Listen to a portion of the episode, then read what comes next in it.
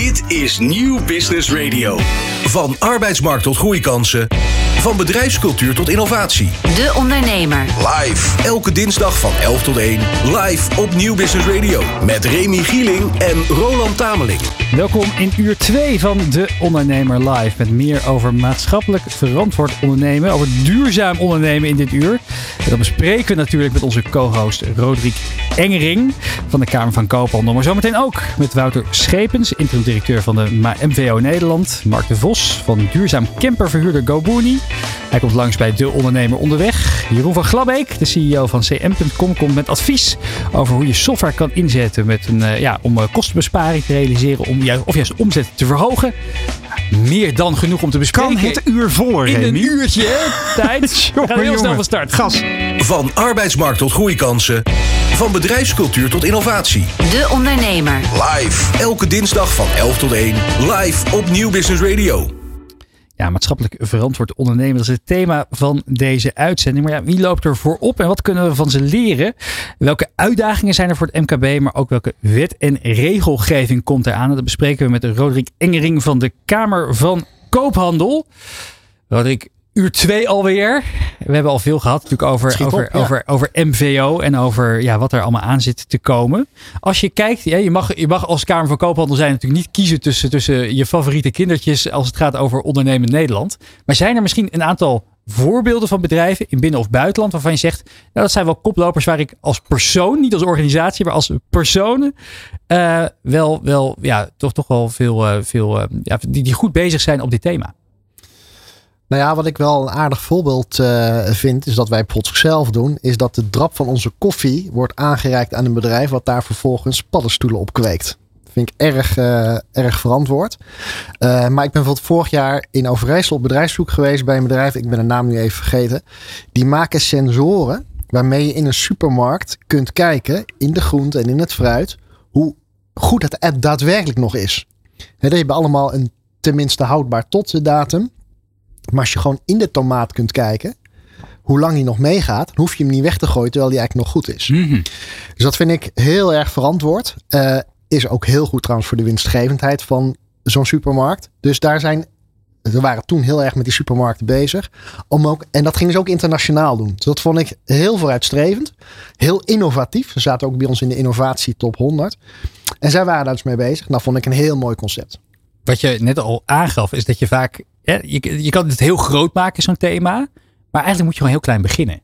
Is het ook iets wat je, wat, je, wat je zelf af en toe wel eens probeert? Dat je inderdaad gewoon kijkt op kantoor, of misschien bij je thuis. Dat je denkt, oh ja, we hebben nu inderdaad, ik noem maar wat, de koffiedrap. Wat zouden we daar eens mee kunnen? Dat is natuurlijk een hele kleine stap die je kan nemen.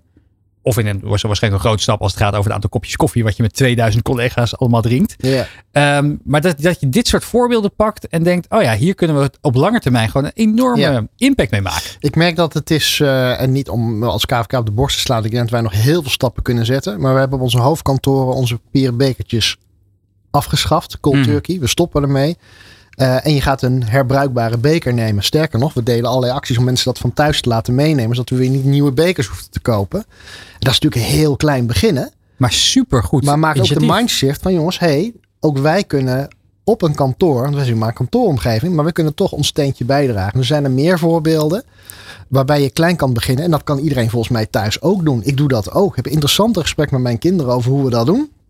Ja, papa, het moet allemaal wel wat eh, milieuvriendelijker. Ik zeg, nou is goed. Gaan we dit jaar niet met het vliegtuig naar Zuid-Italië, gaan we met de trein. Duurt wel drie dagen. nou, dat was dan niet de bedoeling. Er Dus zit het ook een grens aan dus. dus dit geeft ook aan, eh, het klinkt wel makkelijk, maar als je op een gegeven moment tot actie moet komen, dan, wordt het, dan moet je ook, eh, ja, dan moet je ook aan de bak, hè?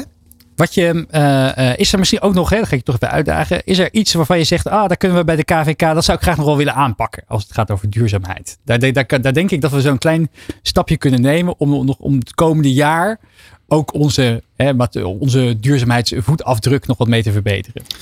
Nou ja, kijk, ik vind ook al, en dus voor mij een vraag, hoe ver ga je daar ook als werkgever in? Eh, in het rookgedrag bijvoorbeeld van collega's. Of in de manier waarop ze ook voldoende beweging krijgen. Ehm, Je hebt er vast een idee bij. nou ja, ik, misschien dat je daar dat gesprek mag je in ieder geval wel indringend aangaan. Wij leveren fruit. Hè? Dus je kunt bij ons fruit eten, staat bij de koffieautomaat. De vraag zou zijn, is dat fruit eigenlijk wel helemaal duurzaam tot stand Mhm. gekomen? En waar komt het eigenlijk vandaan? En hoe lang is de, de logistieke keten? Ik denk dat we ook daar nog wel stappen kunnen zetten. Ehm, wat voor eten hebben wij bij ons in de bedrijfsrestauranten? Er zijn ons, ons op dat soort kleine punten nog heel veel eh, te doen. Maar wij gaan nu wel wat concreter beleid daarop maken als eigen bedrijf. Omdat ik ook vind, als wij pretenderen ondernemers te mogen adviseren over hoe je MVO kunt verbeteren, dan moet je zelf als bedrijf ook aan de bak. Een eh, bekend bedrijf, ik zal de naam ja, niet, eh, niet noemen hier op radio, die heeft onlangs inderdaad besloten om, eh, om de restaurants daar het volledig vegetarisch te maken. Dus het vlees uit te bannen in de bedrijfskantines. Wat er toch wel een kleine revolte van medewerkers heeft geleid. Ja. Hoe, hoe moet je daar als. Ja, hoe, hoe, ja, je gaat geen advies geven natuurlijk. Maar wat zou je als ondernemer daarmee kunnen doen als je dus erover nadenkt? Van, oh ja, ik zou dan. Dat is een overweging die wij kunnen maken. Hè, om ook onze duurzaamheidsambities te ondersteunen. Ehm, maar ja, eh, we, we krijgen misschien gezeur van het personeel. Dus laat ik het maar niet doen. Nou, dat zou voor mij niet de reden zijn om het niet te doen. Ja, ik ben ook uiteindelijk ook bestuurder gewoon van een onderneming. Hmm. Hè, KVK is ook een onderneming, zou ik maar zeggen. Eh, ik vind je moet mensen keuze geven. Dus je moet heel nadrukkelijk die bewuste alternatieven ernaast zetten. Je kunt ook nog nadenken over het prijsmechanisme erin. Is dat goedkoper of is dat juist wel duurder? Ehm, maar ik vind niet dat je mensen moet opleggen. Je moet het gesprek erover aangaan en mensen het alternatief voorspiegelen en aanreiken. Maar uiteindelijk moeten mensen wel zelf hun keuzes blijven maken. Zeggen wij ook tegen ondernemers. Wij kunnen je adviseren, maar jij maakt uiteindelijk je eigen afwegingen en je eigen keuzes. Ik denk dat het ook heel leuk kan zijn als je met je collega's gewoon gaat brainstormen een keer over wat kunnen we doen met z'n allen. Ja. Dat het niet wordt opgelegd inderdaad van oh komt, eh, komt, eh, komt, eh, komt Roland of Remy of Daan komt er weer aan met zijn, met, met, met zijn duurzaamheidsplannen. Maar wat, als we, ik denk als je dat samen oppakt, dat je veel meer draagvlak creëert. Ja, mensen hebben natuurlijk heel veel ideeën over. Ik moet even denken aan eh, de Business Mobi- Mobility Week die wij onlangs hebben gehad. Het ging over zakelijke mobiliteit een, week lang. Daar zagen we ook heel veel initiatieven die eh, het duurzaamheidsbeleid of het mobiliteitsbeleid van een bedrijf steeds duurzamer maken. Hoe doen jullie dat bij de KVK? Dat is ook wel het een en ander veranderd, hè? Eh, ja, wij hebben eigenlijk nog nauwelijks meer leaseauto's. Eh dus wij propageren heel erg eh, dat we met het openbaar vervoer reizen. Mhm. Ik zelf reis ik ook zoveel mogelijk met het openbaar vervoer en zo min mogelijk met een dienstauto. Omdat ik dat vaak overigens net zo makkelijk vind, maar in ieder geval het veel bewuster eh, vind gaan. En wij kijken ook dus, wij, wij zijn nu ook bezig om onze ehm, eh, kantoren opnieuw te bedenken waar onze kantoren moeten staan Ja. en waar die aan moeten voldoen. Kijken we ook heel erg hoe zich dat verhoudt tot bijvoorbeeld de nabi- nabijheid van een treinstation. En voorheen was het wellicht parkeren, maar tegenwoordig wordt het bereikbaar voor OV een, een belangrijkere prioriteit. Overigens parkeren ook hè. Ja. Dus voor onze medewerkers heel erg belangrijk dat ze goed met de trein kunnen komen. Maar klanten, er komen veel ondernemers, hè, ruim 250.000 per jaar fysiek naar onze, onze vestigingen. Ja. We weten gewoon dat een groot deel toch nog met die auto komt. Dus parkeren moet ook kunnen, maar openbaar vervoer zeker ook. Als je kijkt naar, ja, we hebben het eerder in de uitzending ook gehad over wetten en regelgeving. En ja, je kon daar niet omheen eerder dit jaar. Een nieuwe wet, die, eh, een nieuwe initiatiefwet in ieder geval om eh, ondernemers en bedrijven ja, toch wel te motiveren om eh, in Nederland, maar ook zeker in het buitenland, nog meer aandacht te schenken aan duurzaamheid. Maar ja, die initiatiefwet die werd geblokkeerd door het kabinet.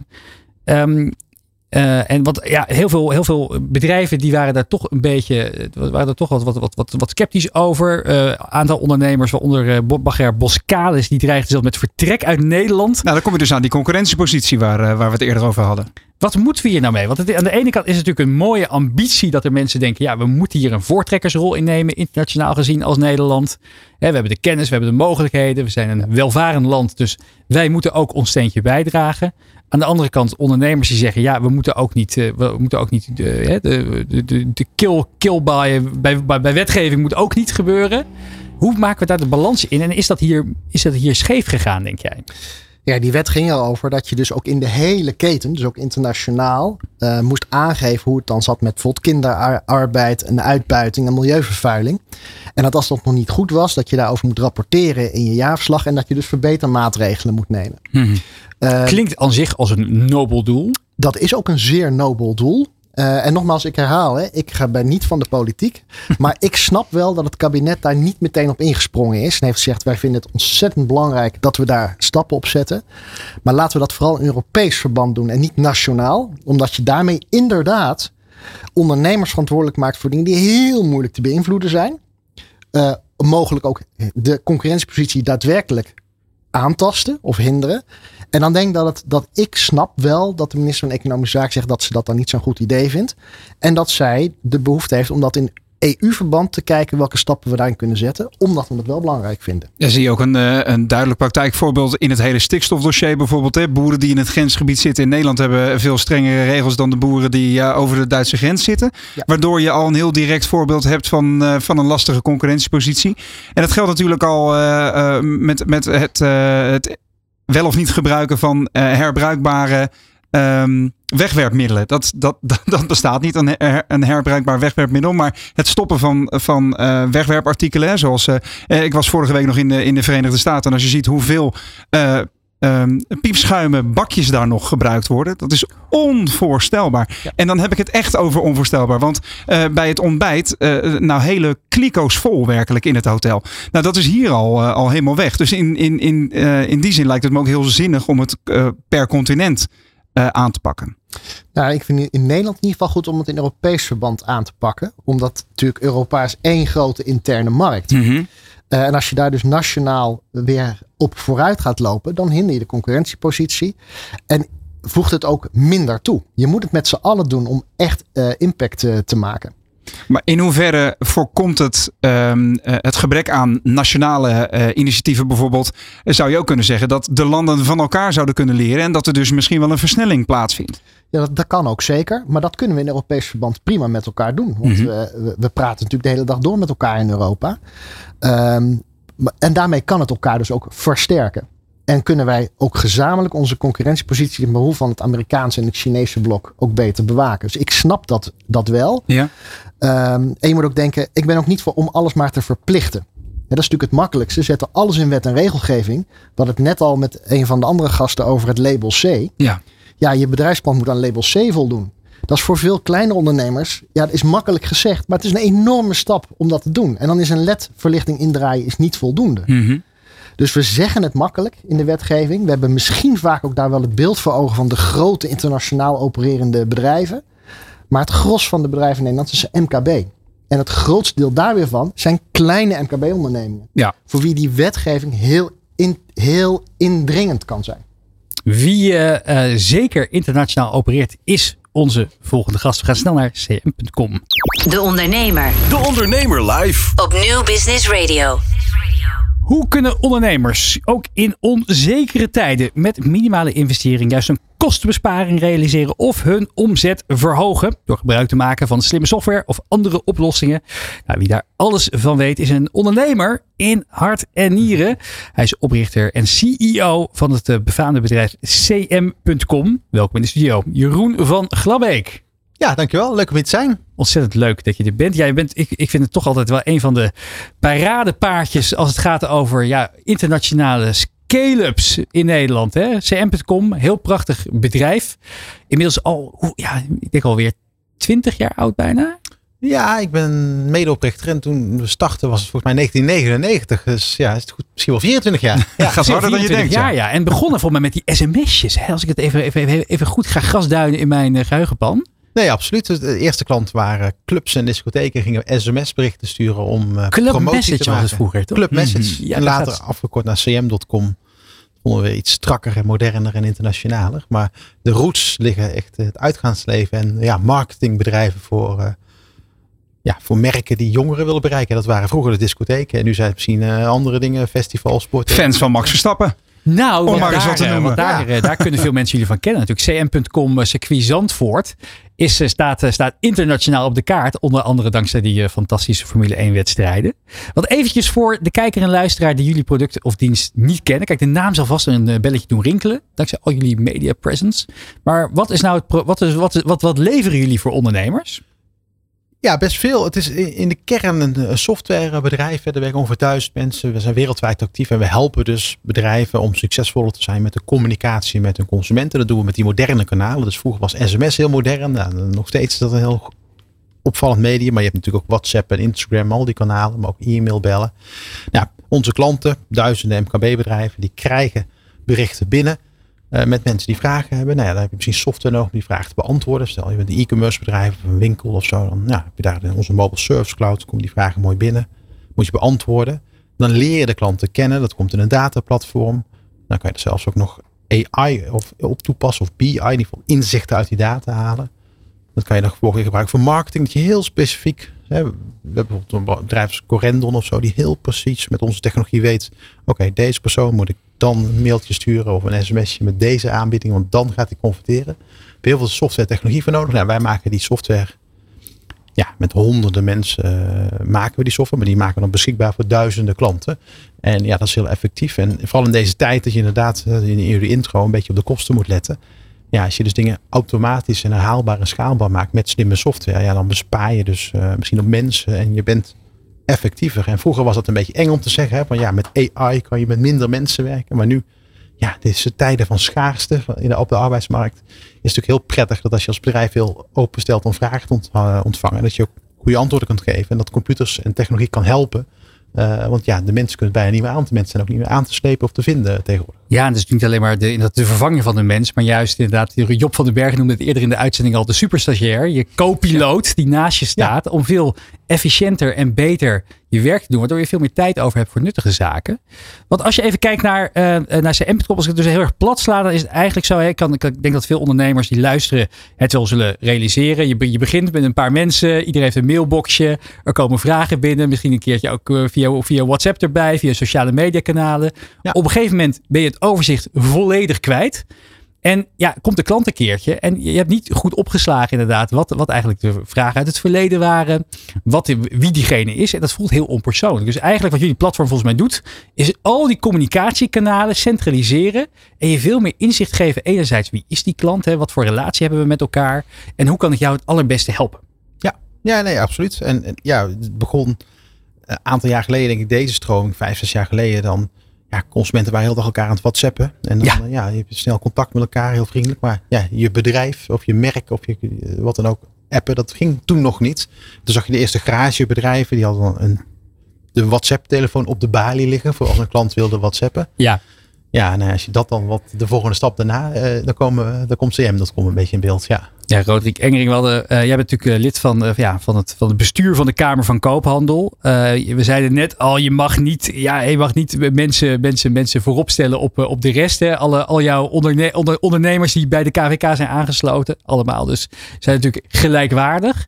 Maar ik kan wel voorstellen dat een ondernemer zoals Jeroen van Glabbeek, die inderdaad een, een bedrijf in 24 jaar opbouwt naar duizend man internationaal opererend, dat het wel een, een boegbeeld is voor de, voor de Nederlandse ondernemers uh, ja, community.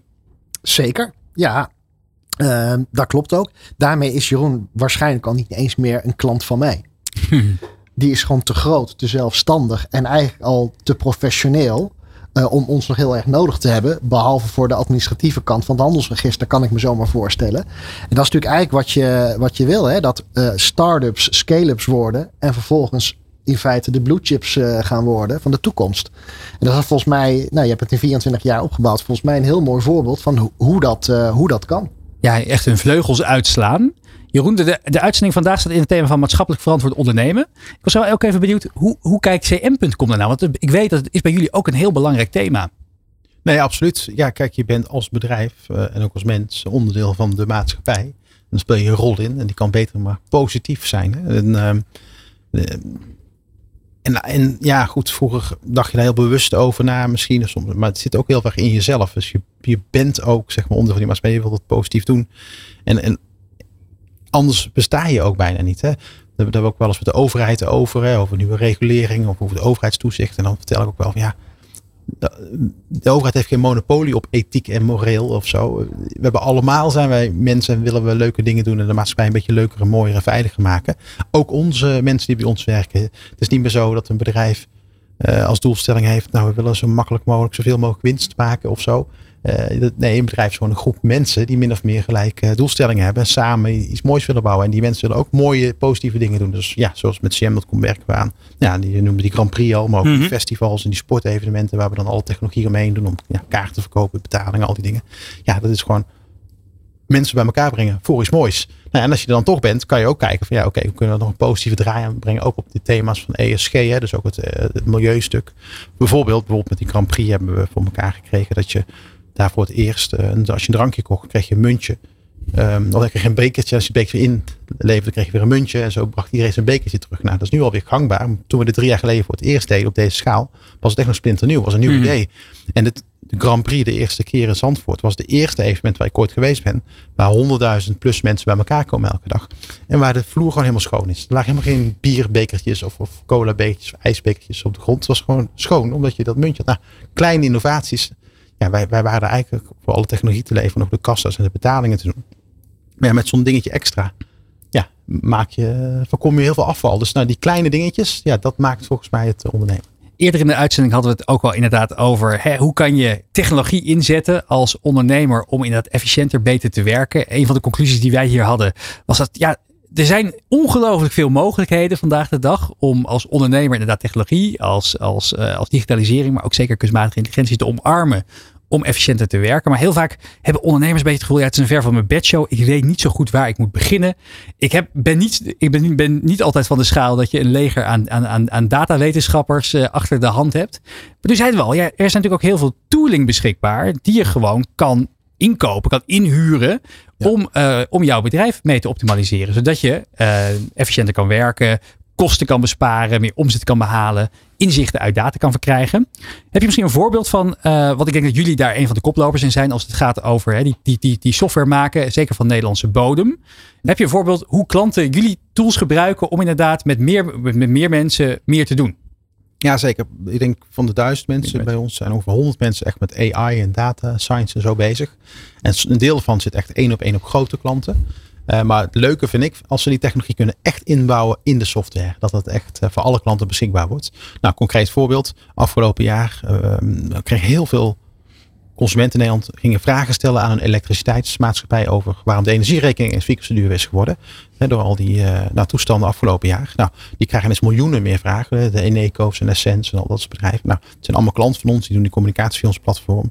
En ons platform leert meteen die mensen kennen, leert meteen die vragen uh, begrijpen en leert meteen de antwoorden. En geeft meteen de antwoorden terug. En als consument is het zo fijn dat je meteen een goed antwoord krijgt in plaats van dat je een, uh, en dan drie dagen moet wachten op een antwoord. Nou ja, dat is als je misschien met mail doet, maar stel je zou bellen, dan zit je ook heel lang te wachten. En met een WhatsAppje bijvoorbeeld, ja, je stelt die vraag, krijg je antwoord terug. Ja, sneller en duidelijker is fijn. En dat is met mensen niet meer op te schalen. En, en daar kan die technologie een onderdeel maken, uitmaken. Nou, en deze technologie pakken en ook voor ja, kleinere bedrijven uh, geschikt maken. Dat die ook continu geholpen worden ja, met zo'n co-pilootachtige dingen om hun klanten te begrijpen of communicatie te verbeteren. Ja, dat is waar we met CM heel veel mee bezig zijn. Maar Jeroen, uh, tot op heden uh, hebben jullie vrij veel zelf geschreven, neem ik aan. Hè? Dat is allemaal jullie eigen ontwikkeling. Ik kan me voorstellen dat er nu heel veel externe partijen opstaan. Uh, wiens technologie misschien wel een heel goede extra laag is aan jullie technologie. Hoe ga je daarmee om? Ja, kijk zeker. Kijk, je hebt, iedereen heeft natuurlijk ineens gehoord van ChatGPT natuurlijk. Mm -hmm. dus dat is, en Google heeft BART. Ja, maar dat is fantastisch. Want daardoor zijn alle business mensen, zeg maar, of beslissers in de wereld. Mm -hmm. Ik was vorige week in Japan en China en ook daar. Overal denken ze aan, oh ja, ik moet iets doen met AI nu.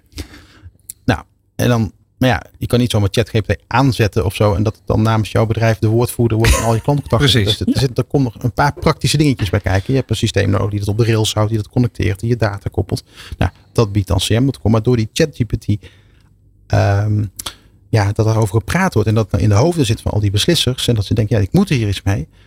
Is het ineens niet meer een soort innovatie of zo geworden, maar gewoon iets, iets, iets business-wise, wat je gewoon, ja, je moet daar een mening over hebben, zeg maar. Net zoals eigenlijk tien jaar geleden die mobiele telefoon.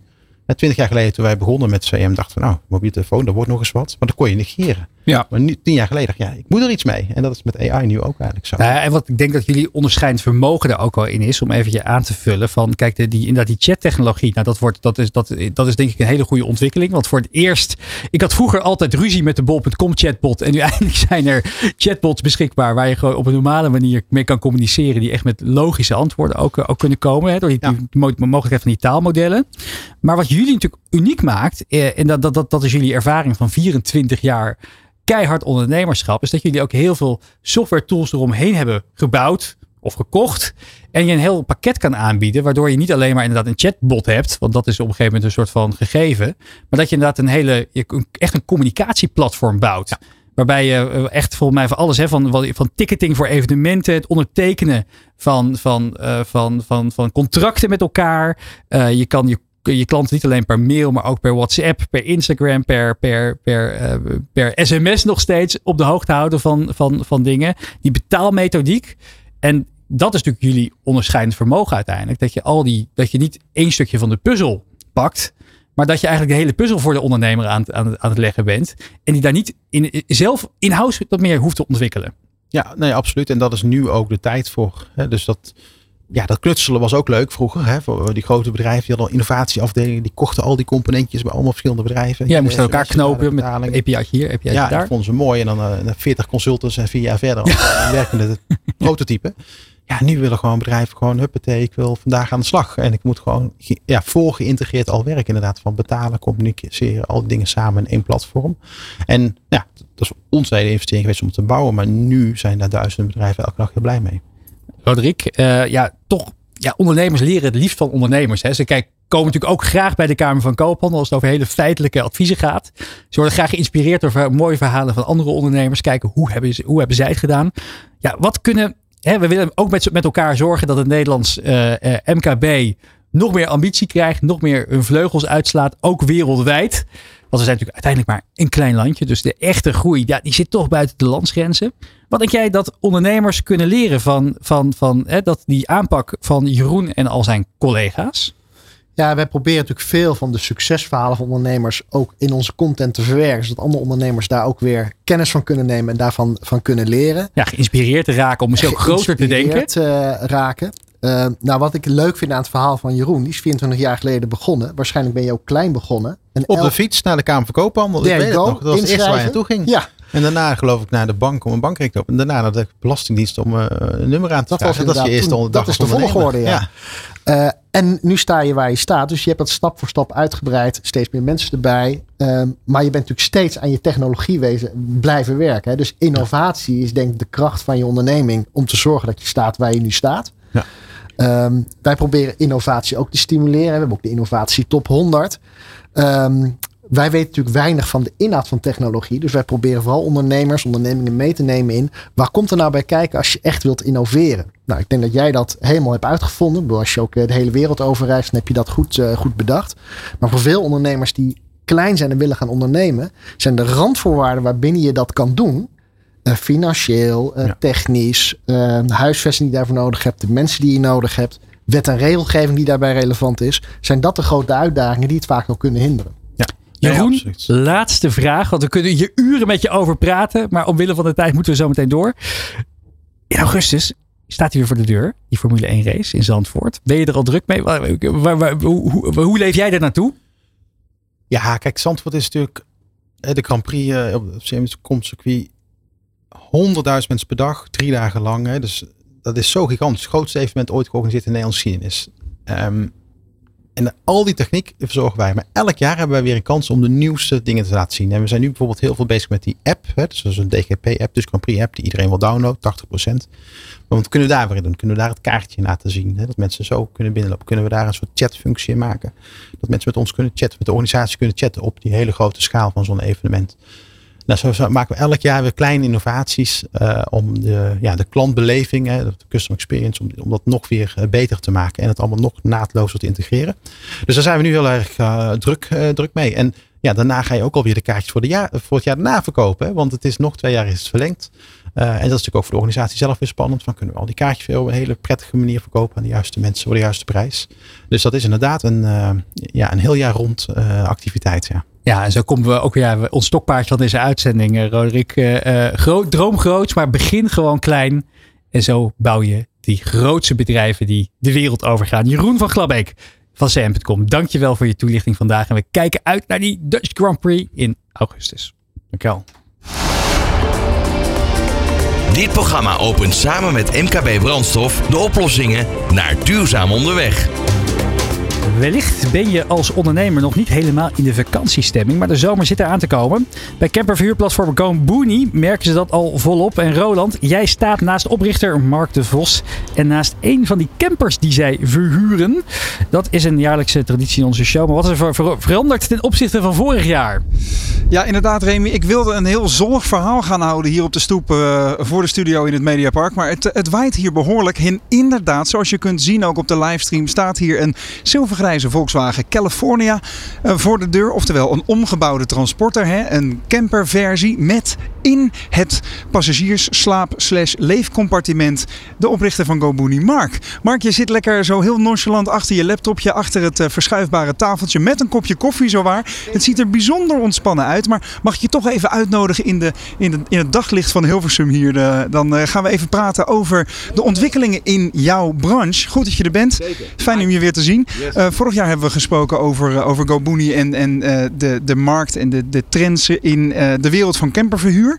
Even in een notendop, jullie zijn een soort Airbnb voor campers, hè?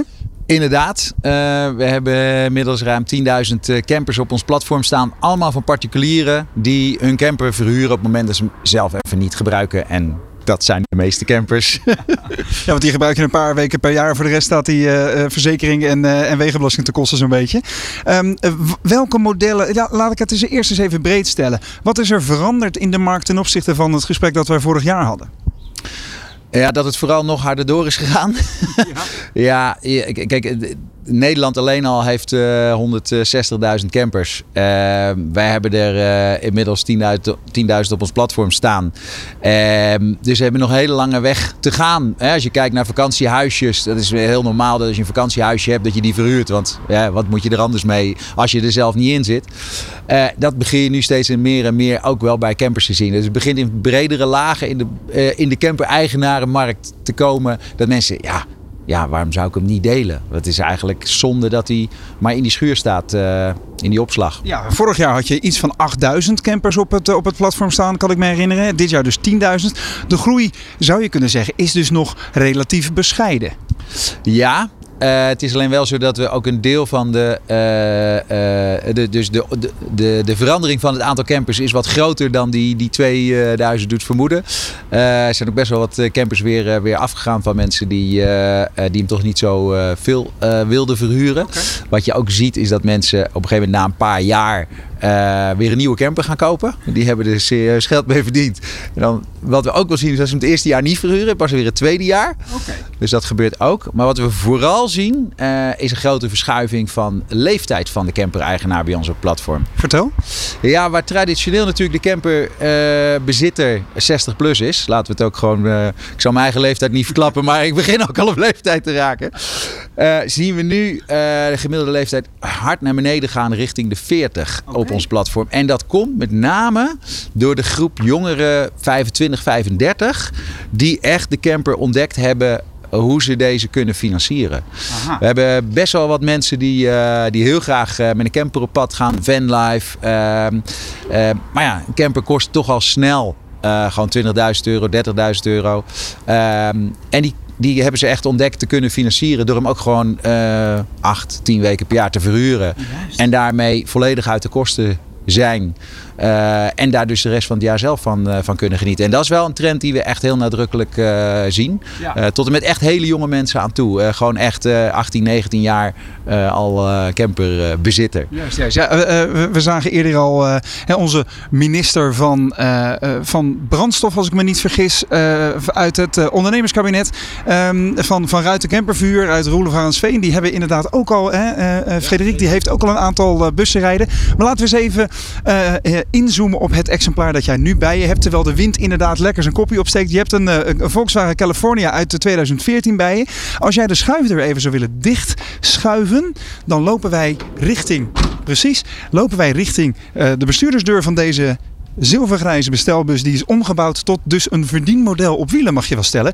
Want er zit een, eh, eh, ten eerste een rail aan de zijkant eh, om een luifel in te schuiven. Maar Mark, er zit ook een hefdak in. Als jij dat hefdak eens even lekker ceremonieel omhoog zet, dan kan de kijker ook even zien eh, hoe je deze camper nog meer kunt gebruiken. Want inderdaad kun je, als het, dek, eh, het, het dak omhoog staat, kun je daar slapen met in ieder geval twee personen. En als ik het eh, goed heb gezien, kun je in het ehm, compartiment van de bus zelf ook nog slapen. Dus hoeveel personen zouden hiermee op vakantie kunnen, Mark? Ja, ik was zelf een beetje verbaasd. Ik zou eerlijk bekennen, ik heb een, ook zo'n huge camper, zo'n 7,5 meter apparaat. En ik heb een gezin met, met twee kinderen van 12 en 13. En wij nemen fietsen mee en surfspullen en noem maar op. En ik heb deze vooral ook omdat ik een weekendje weg wil en door de week best wel wat eh, werk vanuit de camper ook. Eh, lekker eh, achter mijn laptop. eh. En we zijn een week met z'n vieren naar Frankrijk geweest. En mijn jongens vroegen, pap, waarom gaan we eigenlijk met die grote camper normaal? Oké. Het was, ik ben zelf echt serieus verbaasd over hoe slim dit toch allemaal in elkaar zit. Volkswagen bouwt deze als enige autobouwer bouwt deze op de productielijn. Eh, dus dit is al 40 jaar ontwikkeling van een auto eigenlijk. En dat merk je aan alles. Het is zo'n slim concept. Ik ben, echt, ik ben echt verbaasd. Ik had hem eigenlijk eerder moeten ontdekken, die California. Ja, want je hebt deze zelf al een paar, eh, pas een paar maandjes, zei je. Kom er even naast me staan als je wil. Je hoorde net op de achtergrond het gezoem van de elektromotor. Want inderdaad, eh, de, het slaapcompartiment staat nu als een soort trotshuisje bovenop de bus. Ehm, dit is een, een dieselbus. Hè? We hebben het eh, in deze eh, twee uur durende uitzending over maatschappelijk verantwoord ondernemen. Ehm, we hebben het eerder ook al gehad over de opkomst van elektrische camperbussen. Dat is nog een hele kleine markt hè, vanwege de, de relatief beperkte inzetbaarheid van die, eh, van die auto's. Hoe zit dat bij jullie op het platform? Ja, kijk, ehm, ik denk dat heel veel mensen ehm, inmiddels beginnen te beseffen dat met een vliegtuig op pad gaan. 25% van onze vakanties in Nederland is nog steeds met het vliegtuig. Dat het een enorme eh, footprint heeft. eh, CO2. eh, ehm, eh, Gevolgen. Positie, ja, precies. Eh, en eh, we, we, we zoeken naar andere manieren om vakantie te vieren. En steeds meer mensen ontdekken ook het camperen als een heel milieuvriendelijk alternatief. Dan denk je, ja, het is een diesel. Nou, inderdaad, met een elektrische camper haal je nog ongeveer zelfs de helft van de deposities van een dieselcamper. Maar dit is al vier keer zo schoon als wanneer je met een vliegtuig op vakantie gaat. Als je met vier man naar Turkije gaat twee weken, dan ben je zo'n eh, 2,5 ton aan CO2-depositie kwijt. Doe, ga je lekker op avontuur de vrijheid in met een camper als deze, dan ben je 700 kilo kwijt. Het is gewoon echt maar, maar een kwart van eh, een vliegtuigvakantie. En wat we merken is dat veel mensen eh, in onze omgeving, nou zijn wij natuurlijk misschien een beetje bevoordeeld met mensen die graag de vrijheid en het avontuur opzoeken. Maar ik, eh, wij zien in toenemende mate dat mensen eh, daarvoor eh, kiezen om weer de natuur in te gaan. En wel avontuurlijk, maar met een camper. Eh, dat is en vrijheid en een extreem lagere footprint. Zelfs nog veel lager dan wanneer je met je auto naar een hotel zou gaan. Eh, en dat heeft alles te maken met dat een hotel bouwen ook een extreme CO2-depositie heeft. Eh, en met een camper op pad gaan niet.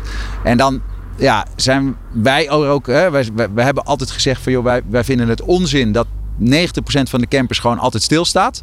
Eh, waarom moeten we 2.500 campers in Europa, of 2,5 miljoen campers in Europa hebben, terwijl er tegelijkertijd maar een paar duizend op pad zijn? Eh, die moeten niet meer geproduceerd worden, die moeten gedeeld worden. Nou, als je al die voertuigen al hebt, hè, deze is van 2014, nou, jullie kunnen denk ik beamen dat die spotless is. Deze kan nog zeker 15 jaar mee. Ehm, die moeten we delen. Eh, we moeten er gebruiken wat we al hebben. En dan, dan kunnen we echt ongelooflijke voortgang bereiken met milieuvriendelijker op vakantie gaan. Duidelijk. Ehm, eh, Mark, eh, we lopen nog even naar de klep eh, aan de achterkant van, van de bus. Want je vertelde dat je ook je, je hele actieve vakantieuitrusting mee hebt. Ehm, eh, kan de klep nu ook open nu het dak omhoog staat? Kijk, de grote, enorme klep werkelijk van de California. daadwerkelijk gewoon vier volledige fietsen opgaan. Dat was ik ook zelf verbaasd over dat ze er gewoon allemaal op pasten. Ja, wat, wat de kijker nu kan zien, maar de luisteraar wellicht niet, is dat er inderdaad... wat, wat ligt er allemaal op het achterste bankje slash eh, de bagageruimte van deze auto nu? Eh, ja, ik, eh, ik ga graag tussen meetings door en na een werkdag eventjes het water op als het kan. Dus ik heb mijn kitesets hier liggen en verschillende kiteboards en mijn, mijn wetsuits en ja, mijn water voor, voor af te spoelen later en zo. En Ja, dus dat ligt er standaard wel in eigenlijk. Geniaal, vind ik om de, zo mooi om te zien ook. Hey, en eh, als je het nog even terug, uh, teruggaan op uh, maatschappelijk verantwoord ondernemen. We hadden het net met de KVK over dat er feitelijk drie pijlers aan, aan hangen. mens, milieu en maatschappij. En ik vind het een, een heel interessant verhaal dat GoBooney ook op het, het vlak van mens en klimaat ehm, een voorbeeld is voor wat onder andere ondernemingen. Want jullie proberen eigenlijk zo flexibel mogelijk te werken met alle medewerkers die jullie hebben. Kun je daar even iets over vertellen? Hoe in zijn werk gaat en hoe jullie twee keer per jaar bij elkaar komen? Ja, ja kijk, als, als start-up, eh, als ondernemer wil je het liefste je omringen met ondernemers. Hè? Zo, zo werkt dat. Je wil dat iedereen heel ondernemend is. Uh, en, en dat lukt als je met, uh, met vijf man bent en met tien man en vijftien. Maar we willen dat ook. we zijn nu met bijna 100 man. En we gaan hard door richting de 200 man. En we willen dat blijven doen. En dat betekent dat we ook mensen het liefst zoveel mogelijk verantwoordelijkheid geven. Want als je zoveel mogelijk verantwoordelijkheidsgevoel voelt en hebt, dan kan je ook goede uh, beslissingen nemen. Mm -hmm. uh, dat betekent ook dat je je eigen vrijheid moet kiezen in alles hoe je je leven vormgeeft. En een van die dingen waar wij aan kunnen bijdragen, is om met elkaar het gesprek te blijven voeren over hoe we dan met elkaar omgaan binnen het bedrijf. En daarvan hebben we collectief gezegd van ja, wij zien eigenlijk niet zo heel veel nut om elke dag naar een kantoor te komen. Wij zien elkaar gewoon elke dag, s morgens om 16 minuten over 9, dan kicken we met het hele team de dag af. Wacht even, 16 minuten over 9 is wel heel specifiek. Ja, ja als je, als je om, om, om kwart over 9 doet, dan komt de een om kwart over 9 en de ander om tien voor half tien. En dus 16 over 9. En we hebben ook mensen in Engeland, dus om 8 uur of zo is te vroeg voor hen. Dus 16 over 9. Ja. En dan hebben we elke dag van de week hebben we een specifiek thema, wat we even in een paar minuten doornemen. Uh, marketing ratio's, uh, volumes, nieuwe advertisers op het platform. Dat iedereen even weet, oké, waar staan we op onze belangrijkste uh, posities. En daarna doet iedereen dat nog een minuut of vijf à tien met zijn eigen team. Om even door te nemen, hoe ziet de dag eruit. Dus je spreekt elkaar echt wel allemaal heel intensief. Alleen dat fysieke contact, dat wil je ook. Dus we hebben wel een, een plek waar mensen samen kunnen komen. Maar dat, dat doen ze één keer in de maand of twee keer in de maand. En, mm -hmm. en, en lang niet iedereen. We zitten ook door Europa inmiddels met al onze mensen. Dus wat we op een gegeven moment hebben gedaan is we hebben ja, uh, uh, campingweken. Dus, campingweken? Dus op een gegeven moment zijn we begonnen met gewoon met z'n allen met de camper of met tenten ook bij elkaar te komen op de camping. Dat was eerst drie dagen en tegenwoordig doen we dat altijd een hele week. Ehm, de tweede week juni zitten we met z'n allen in, in Soulac in Frankrijk, net boven Bordeaux.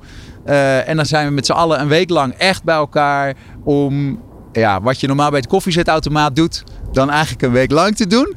En ondertussen kan je met je eigen team nog een beetje brainstormen. Met het hele team misschien eens een onderwerp beetpakken wat, je, uh, uh, wat, wat gewoon lekker is om met elkaar hangend op het strand. Maar ook uh, elkaar dieper in de ogen kijken te bespreken. En ja, dat geeft zo'n verbinding, daar kan, je, daar kan je weer een half jaar of een jaar mee, uh, mee vooruit. Er kan geen pan tegenop, zeg maar. Een heel moderne en inspirerende vorm van een hutje op de hei, mag je, zou, je wel kunnen zeggen. Met je, je rijdende hut op de hei. Mark de Vos, dankjewel. Uh, oprichter en grote, grote baas, zou je wel kunnen zeggen, bij GoBooney. Nog een laatste vraag. Deze Volkswagen California, nu nog met het dak omhoog en al jouw kite-uitrusting achterin. Ehm, stel, ik wil deze een weekje van jou huren. Waar moet ik dan aan denken? Ja, dat zit tussen de, de 100 uh, en 140 euro per dag ligt aan het seizoen. Uh, misschien echt vroeg in het seizoen dat je hem al voor 80, 85 euro per dag hebt. Dus voor een auto en onderkomen voor vier personen is dat, uh, ja, is dat super goed te doen tegenwoordig. Uh, en ook nog best wel heel erg milieuvriendelijk ten opzichte van de alternatieven. dat punt is gemaakt. Dankjewel voor je komst en ik wens je fijne vakantie.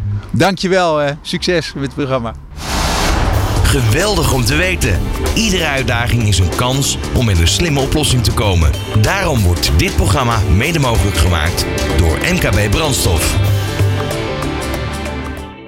Dit is De Ondernemer live op Nieuw Business Radio. Ja, in deze thema-uitzending over maatschappelijk verantwoord ondernemen, over duurzaam ondernemen, mag natuurlijk MVO Nederland niet ontbreken. Ja, dit enorme netwerk van zo'n 2000 bedrijven, ja, die geloven in een economie die, ja, die aangepast aan grenzen van de natuurmaatschappij. Ja, voor een duurzame economie moet het huidige systeem op de schop. En daarvoor is natuurlijk ook een echte aanjager nodig. En die hebben we gevonden in de vorm van Wouter Schepens. Hij is interim directeur van MVO Nederland. Wouter, wat leuk dat je in de uitzending bent vandaag. Nou, hartstikke leuk dat ik er mag zijn. Dankjewel. voor, ja, ik denk dat iedereen die ondernemend is, wel eens van MVO Nederland heeft gehoord. Maar niet iedereen heeft misschien helemaal glashelder wat jullie precies doen. Kan je dat in een notendop uitleggen? Ja, we zijn het platform van, van bedrijven uh, in Nederland die duurzaamheid omarmen. Uh, je kunt partner zijn van, uh, van MVO Nederland. Dus wij vertegenwoordigen je. We hebben samen een, geweldige doelstelling om de Nederlandse economie duurzaam te maken. Um, en, en we werken ook met allerlei andere partijen samen in, in, in projecten om specifieke problemen in gezamenlijkheid op te lossen. En wat we houden het graag heel concreet. Wat een uh, ontzettend leuke baan moet je dan hebben. Want ik denk dat je in contact bent met allemaal optimistische, innovatieve bedrijven en ondernemers. Die allemaal zich inzetten voor een betere toekomst. Zeg ik dat goed?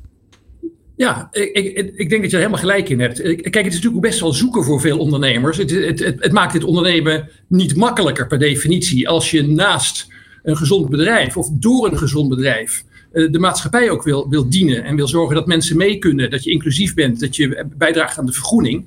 Maar ondernemers houden van uitdagingen. Dat hebben we net ook al gehoord. Uh, ondernemers houden van uitdagingen. En steeds meer ondernemers die omarmen de, de ambitie van MVO, van MVO Nederland ook. Om uh, in gezamenlijkheid met allerlei partners de economie echt te veranderen. Het gaat, we gaan het anders doen of we doen het al anders. Het kan. En ja, er zijn heel veel onder verschillende organisaties bij jullie aangesloten. Van klein tot groot, van Albron tot Alliander, Renewy, maar ook Kipster. Het geweldige bedrijf van, uh, van uh, oh, ja, wat duurzame, echt, echt duurzame eitjes levert. Wat, uh, wat, wat, wanneer kan je als organisatie of ondernemer bij jullie aankloppen?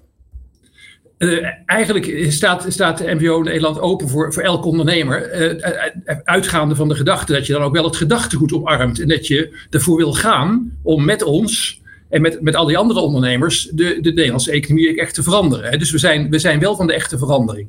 Maar ook, dat zie je natuurlijk bij heel veel ondernemers tegenwoordig. Ook bij grote bedrijven, bij kleine bedrijven, bij start-ups. Je noemt, je noemt Kipster al, wat inmiddels geen start-up meer is, maar een scale-up.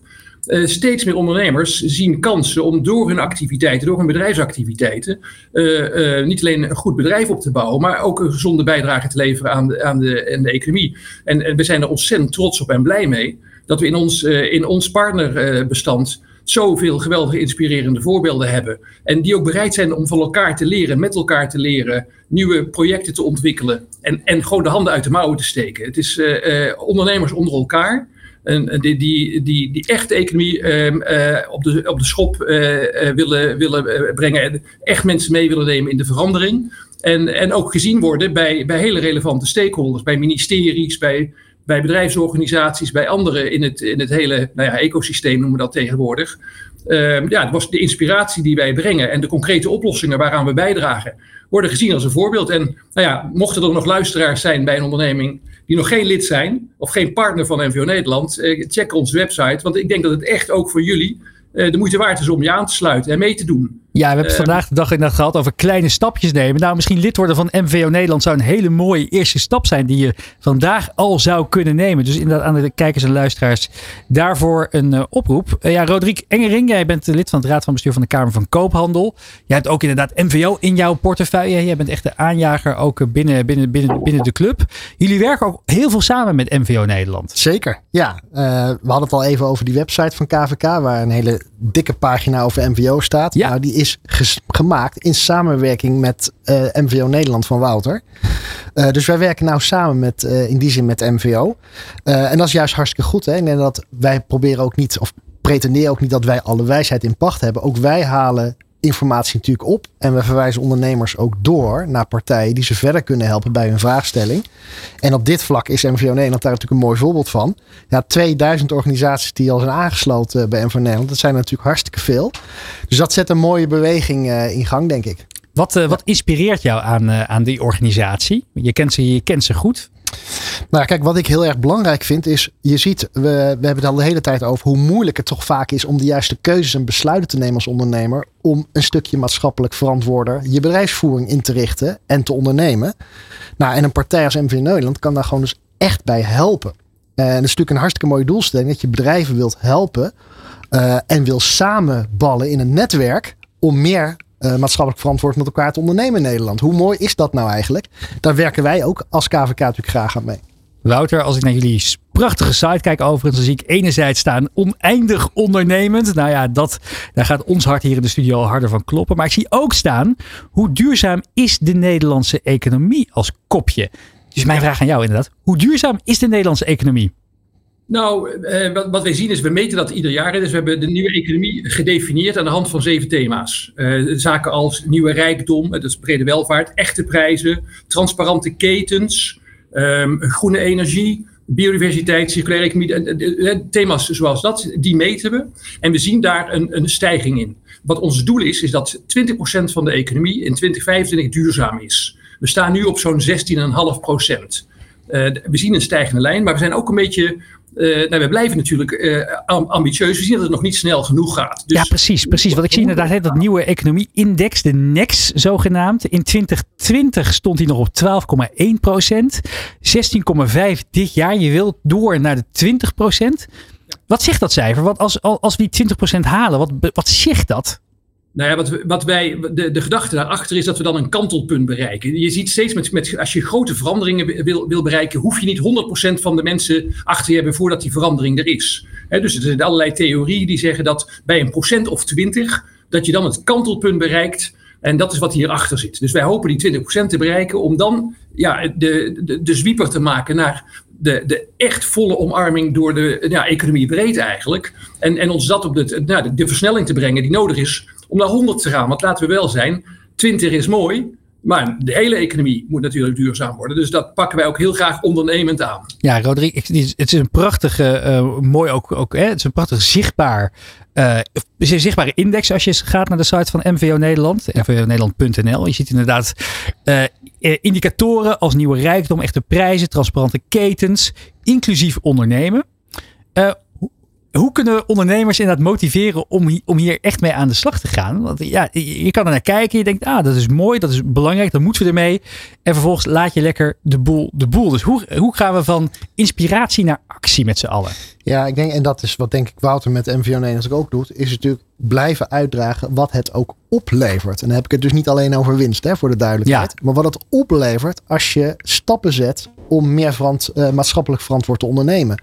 Dat dat meer klanten oplevert, dat het een betere klimaat oplevert, dat het ook is goed voor de mensen die, uh, die er werken. Ja, ik denk dat heel veel talent ook aantrekt. Hè? Jong talent, die wil toch werken ja. voor bedrijven met een maatschappelijke impact. Zo is het. Ik, bedoel, ik heb kinderen die aan het studeren zijn en dus straks gaan werken. Die roepen nu al, ja, ik ga wel bij een bedrijf werken wat een beetje aandacht besteedt aan het klimaat en aan de mens. En dat is natuurlijk wel deze generatie. In mijn tijd was dat nog niet, maar nu is dat een belangrijk thema. Dus we moeten met elkaar blijven uitdragen wat het oplevert. En ook dat het dus noodzakelijk is om het te doen, omdat je anders straks of dat talent niet meer aan je weet te binden. Of omdat je natuurlijk gewoon door wetgeving wordt ingehaald. Of omdat je gewoon maatschappelijk gezien de boot mist. En klanten zeggen, nou dan ga ik het halen bij een ander. Wouter, als we even één van die thema's uitkiezen, hè, want we kunnen inderdaad uren praten over alle zeven, ja. maar als je even inzoomen op bijvoorbeeld het uh, thema nieuwe rijkdom, ja. wat proberen we daarmee te bereiken? Wat, wat zegt dat thema?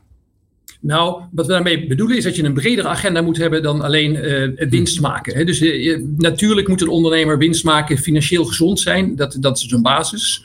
Maar wat wij wat wij zien is dat de agenda van duurzaamheid, en dat sluit ook heel erg goed aan op wat net werd gezegd, uh, betekent dat je door het herkennen van het waarde toevoegen voor je mensen, het talent kunnen trekken, het milieu niet belasten, dus binnen planetaire grenzen blijven, eigenlijk een betere ondernemer, dus een meer succesvolle ondernemer bent. Um, en, en dat is het nieuwe rijkdomthema. Dat willen laten zien, de brede welvaart waar we voor gaan, een andere economie. Um, um, en, en ook om op nog een keer te benadrukken, het is niet alleen maar vanuit dreiging of lastig of, of moeilijk en zwaar. Het, het, is ook de lol van het ondernemen en het zien van nieuwe kansen ook door de duurzaamheid. Ja, er zit ook heel veel optimisme Ik wil het ook niet te zwaar maken. Er zitten hele lastige dilemma's aan. Maar, maar, er zit, maar het is ook een agenda van kansen. En als je wil weten hoe je die kunt pakken, dan zie je op onze website bijvoorbeeld ook hele praktische stappenplannen die je kunt gebruiken om je bedrijf in beweging te brengen en mee te doen uh, aan, aan, die, uh, aan die agenda van, van ja, nieuwe rijkdom en de NEX. Ja, eerst, uh, eerder in de uitzending hebben we het ook al gehad over hè, niet het alleen maar als ondernemer of, of bestuurder bedenken, maar neem echt je team erin mee en zie het als een gezamenlijke uitdaging en niet iets wat per se uit jouw koker moet komen om vervolgens over de organisatie uit te strooien. Als je het samen oppakt, dan creëer je veel meer draagvlak. De KVK heeft onlangs ook een onderzoek uitgevoerd onder het ondernemerspanel. Waarin inderdaad werd gekeken nou ja, met als een soort van thermometer van hoe kijkt het MKB eigenlijk naar die thema's van duurzaamheid. Jullie waren er ongetwijfeld ook bij betrokken. Wat, um, wat daar onder meer in stond is dat dus ook veel ondernemers toch gebruiken als zijnde van ja, ik, ik wil ook, ik doe het ook een beetje Niet alleen maar voor, voor mezelf en voor de medewerkers, voor de klanten, maar ook een beetje voor ja, de bühne, voor de beeldvorming. Ik, het, het, het, straalt gewoon ook heel goed uit voor mijn bedrijf als wij, uitstralen, als wij laten zien dat wij met dit thema bezig zijn. Merk je dat ook bij, bij jullie 2000 aangesloten deelnemers? Nou ja, weet je, dat is natuurlijk wel, wel een verhaal ook. Hè? Dus het, het, het, talent wat je wil aantrekken, weet alleen maar dat je zo goed bent als je bent, als je dat ook laat weten. Ik wil er wel graag een beetje een kanttekening bij plaatsen. Want we zien nu duurzaamheid ja, hot is en iedereen het heeft over dit onderwerp. Uh, dreigt natuurlijk ook wel een soort van marketing die doorslaat, greenwash.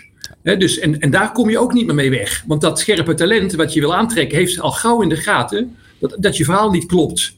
of de klanten of zelfs toezichthouders zijn tegenwoordig kritisch op de uitingen die je doet in je reclames of, uh, of anderszins om te, ja, om te toetsen of de claims die jij doet over hoe geweldig je bent, dat je die ook kunt waarmaken. En dus ons advies is, eh, schroom niet om je verhaal te vertellen, hè, dus, maar be good, eerst dat, eerst goed zijn en dan erover vertellen. Um, maar niet overdrijven. En het gaat ons om de echte verandering meer dan om je marketing. Het ja, gaat wel hand in hand. Roderick, ik zie jou uh, vol, ja, nou niet volmondig. Begrepen dit. Helemaal met Wouter uh, eens. Greenwashing of greenwash. Uh, daar wordt heel snel doorheen geprikt, zowel door klanten uh, als door dat talent wat je denkt aan te trekken. Uh, en dan is de reputatieschade overigens veel groter dan de winst die je dacht te behalen. Ja, dus uh, wees waakzaam. Wees waakzaam. Wees daarom. eerlijk vooral. Wees eerlijk voor, uh, voor, uh, voor, voor mens en milieu. Wouter, dank voor je toelichting vandaag. En we, ja, we, we, roepen inderdaad iedereen op die inderdaad ook met het thema MVO aan de slag wil gaan. Maar misschien niet helemaal weet waar die moet beginnen. Om zich gewoon te beginnen met zich aan te sluiten bij MVO in Nederland. En dat kan via de site. Dankjewel. Hartelijk dank. Hartelijk dank. Tot ziens. De Ondernemer. Live op Nieuw Business Radio. Ja, Roderick, het zit er alweer bijna op. Twee uur lang gaat razendsnel. Heb je nog uh, famous last words voor de ondernemende kijker en of luisteraar? Uh, nee, ik denk dat er heel veel uh, gezegd is. En de samenvatting, ik denk voor mij is dat wel een goede takeaway. Wij hebben er twee uur over gepraat. Het zou goed zijn als ondernemers er niet vooral over blijven praten, maar gewoon dat eerste stapje gaan zetten. Net zoals wij zelf bij KVK ook proberen. Ik weet hoe moeilijk het is, maar na het eerste stapje volgen er meer. Ja, en het is ook heel leuk en inspirerend. Het hoeft niet alleen maar moeilijk en zwaar te zijn. Uh, ga vooral een kijkje nemen op die prachtige vernieuwde website van de Kamer van Koophandel op kvk.nl. Daar vind je over allerlei relevante thema's van MVO tot prijsstijgingen tot allerlei wetgeving. Nou, mooie ondernemersverhalen. Je vindt het er allemaal op terug. Echt verrassend overzichtelijk uh, als ik even een compliment mag geven zo aan de zeilen. Complimenten. Ja, complimenten. Ja, we gaan afscheid nemen zo van Roderick Engering van de Kamer van Koophandel. Roland, het zit er ook weer bijna op. Yes, tot volgende week zeg ik. Tot volgende week bij nieuwe De Ondernemer live. Zometeen in uh, uur 3 gaan we nog heel eventjes verder met Jonathan van Noord. Die gaat zich verdiepen in de onderwerpen van financiering. Dat doet hij onder andere met de Rabobank. Wordt een ontzettend interessant gesprek. Ook onder andere over cybersecurity. Ja, een thema waar iedere ondernemer iets van moet weten. Blijf dus vooral kijken en luisteren. Van arbeidsmarkt tot groeikansen. Van bedrijfscultuur tot innovatie. De Ondernemer. Live. Elke dinsdag van 11 tot 1. Live op Nieuw Business Radio.